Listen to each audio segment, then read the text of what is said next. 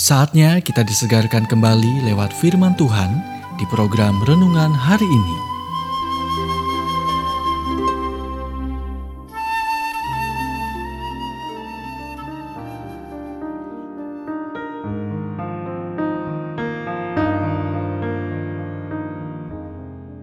Renungan hari ini berjudul Tuhan Selalu Baik.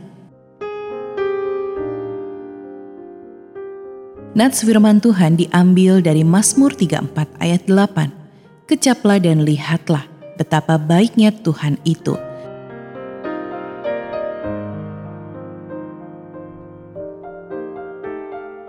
Berbahagialah orang yang berlindung padanya.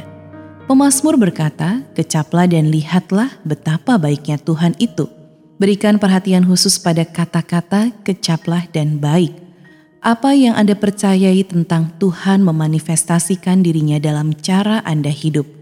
Apa artinya menjadi baik? Itu berarti hidup sesuai dengan yang terbaik yang Anda tahu. Dan karena Tuhan itu Maha Tahu, Dia tahu apa yang terbaik bagi Anda.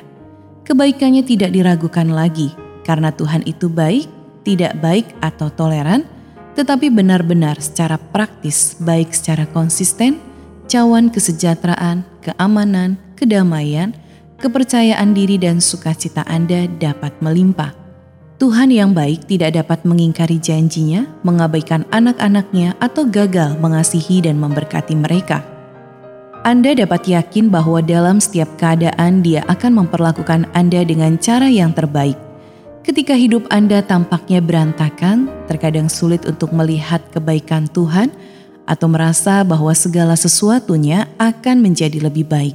Saat itulah Anda harus menggunakan iman yang telah Tuhan berikan kepada Anda dan dengan tindakan kehendak Anda, percayalah kepadanya. Lihat Roma 12 ayat 3. Seorang pendeta yang bijaksana ditanya oleh seorang pengunjung gereja yang bermasalah. Pendeta, apakah dunia ini juga tampak seperti reruntuhan bagimu? Dia menjawab, ya seperti bangkai benih yang pecah, tanpa melalui tahap kehancuran, di mana dunianya benar-benar hancur, biji ek tidak akan pernah bisa memberi kehidupan pada pohon ek. Jadi, rangkullah kehendak Tuhan dalam pencobaan ini karena itu baik, dapat diterima dan sempurna. Roma 12 ayat 2. Terlepas dari bagaimana rasanya bagi Anda saat ini, pada akhirnya Anda akan melihat betapa baiknya Tuhan berbahagialah orang yang percaya kepadanya. Anda baru saja mendengarkan renungan hari ini. Kiranya renungan ini terus mengarahkan kita mendekat kepada Sang Juru Selamat, serta menjadikan kita bertumbuh dan berakar kuat di dalam Kristus. Bila Anda diberkati, berikan kesaksian Anda melalui WhatsApp di 0817 222 959 atau jika Anda ingin memiliki buku renungan hari ini, Anda bisa dapatkan di Radio Suara Gerasi FM, Jalan Setiabudi 31 Cirebon.